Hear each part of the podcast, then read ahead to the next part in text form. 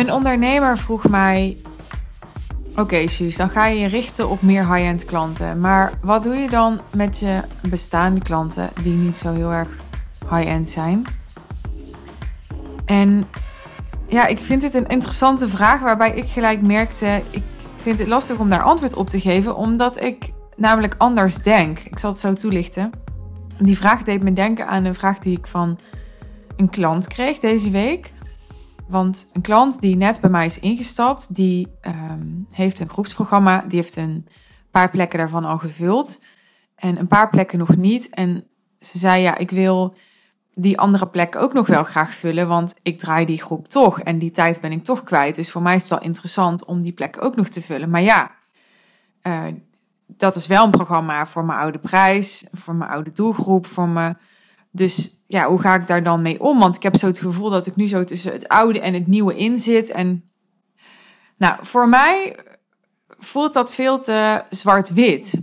Ik merk best wel vaak in, in hoe mensen mij benaderen dat ze denken in: oké, een klant is high-end of is niet high-end. Een prijs is high-end of is niet high-end. Een aanbod is high-end of het is niet high-end. Ja, ik zie het zelf veel meer als een glijdende schaal. Of zoals ik uh, tegen mijn klant ook zei, als iets wat wat vloeibaar is. Uh, soms zijn mensen bang, zijn ondernemers bang als ze bij mij in het traject komen, dat ze dan hun hele business om moeten gooien. Want ze zijn nu dan nog misschien niet helemaal high-end of niet high-end genoeg. En dan moeten ze dan wel gaan worden. Dus dan moet er een nieuw aanbod komen en een nieuwe doelgroep. En dan moet alles nieuw. Nieuw prijs, nieuw, nieuw, nieuw. En ik zeg niet dat je alles gaat laten zoals het is. Want als je doet wat je deed, dan krijg je wat je kreeg. Dus natuurlijk ga je met mij werken om keuzes te maken die tot andere resultaten gaan leiden. En daarmee gaan er dan dus dingen veranderen in je business.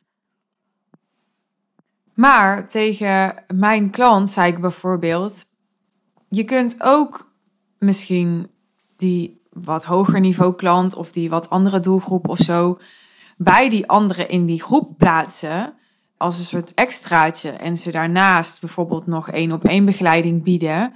En daarmee dus ook een hogere prijzen dan voor vragen. En het is niet zo dat omdat je het programma zoals je het aanvankelijk bedacht hebt, uh, verkocht hebt op een bepaalde manier, dat je dan die plekken die nog over zijn ook op precies dezelfde manier aan precies dezelfde andere klanten moet verkopen. Het is allemaal veel, er is veel meer mogelijk dan dat. dus het is allemaal een veel grijzer, waarin jij de regels en de voorwaarden kunt bepalen. En waarin jij het helemaal kunt ontwerpen zoals jij wilt. En ik ben er altijd heel erg voorstander van om zo snel mogelijk nadat je een bepaalde keuze hebt gemaakt of besloten hebt om een hoger doel te stellen of een, tot het inzicht bent gekomen dat je eigenlijk toch iets meer dit moet doen of iets meer dat moet doen. Om te zorgen dat het, dat het weer klopt wat je doet. Hè? Dat het weer klopt bij, bij je purpose, bij uh, dat wat je op dit moment uitdaagt als ondernemer en als mens. Dat dan gewoon zo snel mogelijk en eigenlijk meteen wil gaan doen. Want er is altijd een reden om te denken: oh, maar dan ga ik eerst nog dit afmaken. Of eerst nog, uh, ja, nog een klant voor dat oude, want dat is zonde om weg te doen. Of we verzinnen altijd van alles om dan toch nog vast te houden aan dat oude. Terwijl Ga eens kijken of je al, is het maar met, met mini-stapjes, maar of je toch met kleine stappen gewoon direct al het nieuwe kunt gaan doen. En dat hoeft dus niet door het nieuwe te doen en, en dan opeens een heel nieuw aanbod hebben staan. Je kunt ook het oude langzaam laten overlopen in het nieuwe.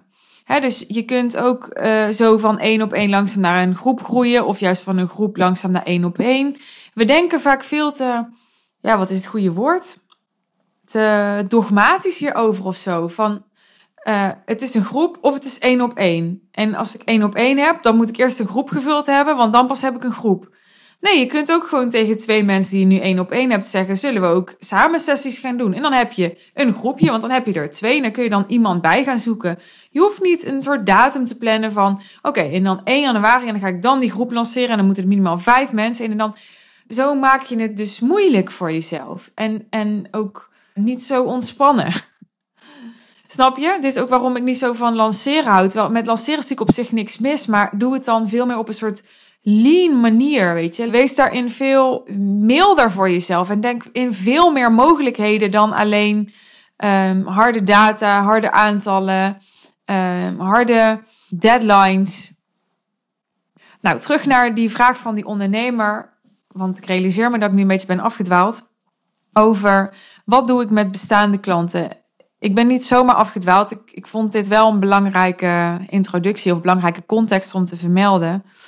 Omdat dit dus ook aangeeft dat ik niet zozeer kijk naar: oké, dit, dit is een oude doelgroep en dit is een nieuwe doelgroep. hoe het heel vaak werkt is naarmate je groeit in je positionering, naarmate je groeit in uh, je prijs, naarmate je groeit in je doelstellingen, naarmate je groeit in omzet, um, groeit het niveau van je klant mee. eigenlijk ben je steeds opnieuw weer je klant op een zeker moment aan het ontgroeien en dan ga je weer naar een wat hoger niveau klant. En dat is een glijdende schaal.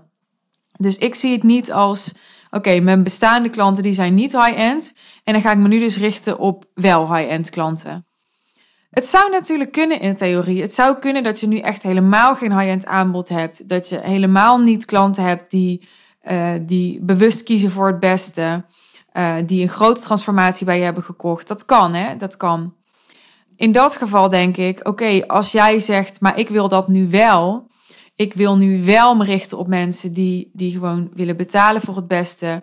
Hè, de mensen die altijd uh, de VIP-arrangementen kopen. De mensen die, die altijd willen hebben wat premium is.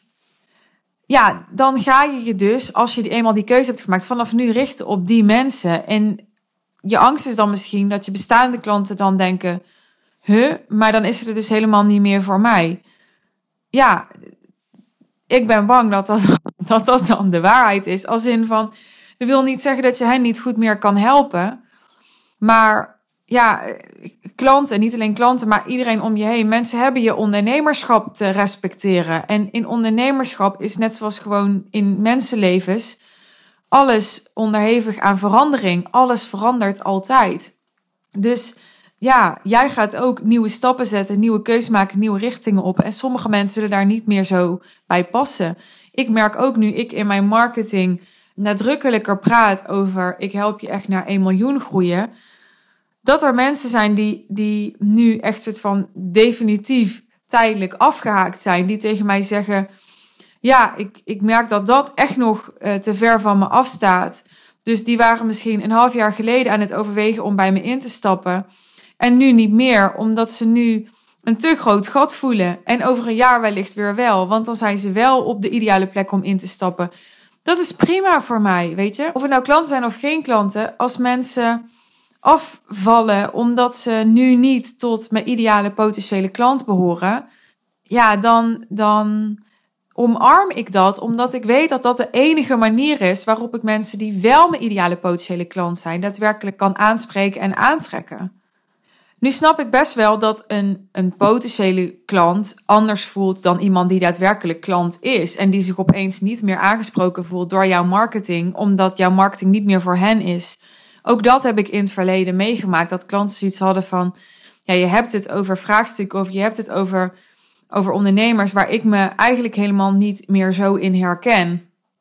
En dan vind ik het altijd zaak om met die klant te kijken naar wat raakt je hierin en dat gewoon er te laten zijn. En tegelijkertijd ook die klant duidelijk te maken, maar dat neemt niet weg dat ik jou niet goed kan helpen. Want marketing is marketing. En in mijn marketing moet ik heel selectief zijn om mijn marketing effectief te laten zijn. Maar dat wil niet zeggen dat als je niet in dat profiel exact valt, dat ik je dan niet goed kan helpen. Dat is vaak wat ik dan met een klant bespreek als zoiets voorvalt. En eigenlijk begrijpt iedereen dat en voelt iedereen dat. En als het goed is, dan zijn ze ook um, blij met je, een blije klant. En dan dan willen ze vooral heel graag van jou horen dat jij hen nog graag wilt. Vaak is het gewoon dan hun onzekerheid van, oh, maar nu wil ze me helemaal niet meer of nu wil hij mij helemaal niet meer. En als je daar wat ruimte aan kunt geven, als dat gevoel er gewoon mag zijn, zonder dat jij je gaat verdedigen of daarmee los je al heel veel op in zo'n situatie.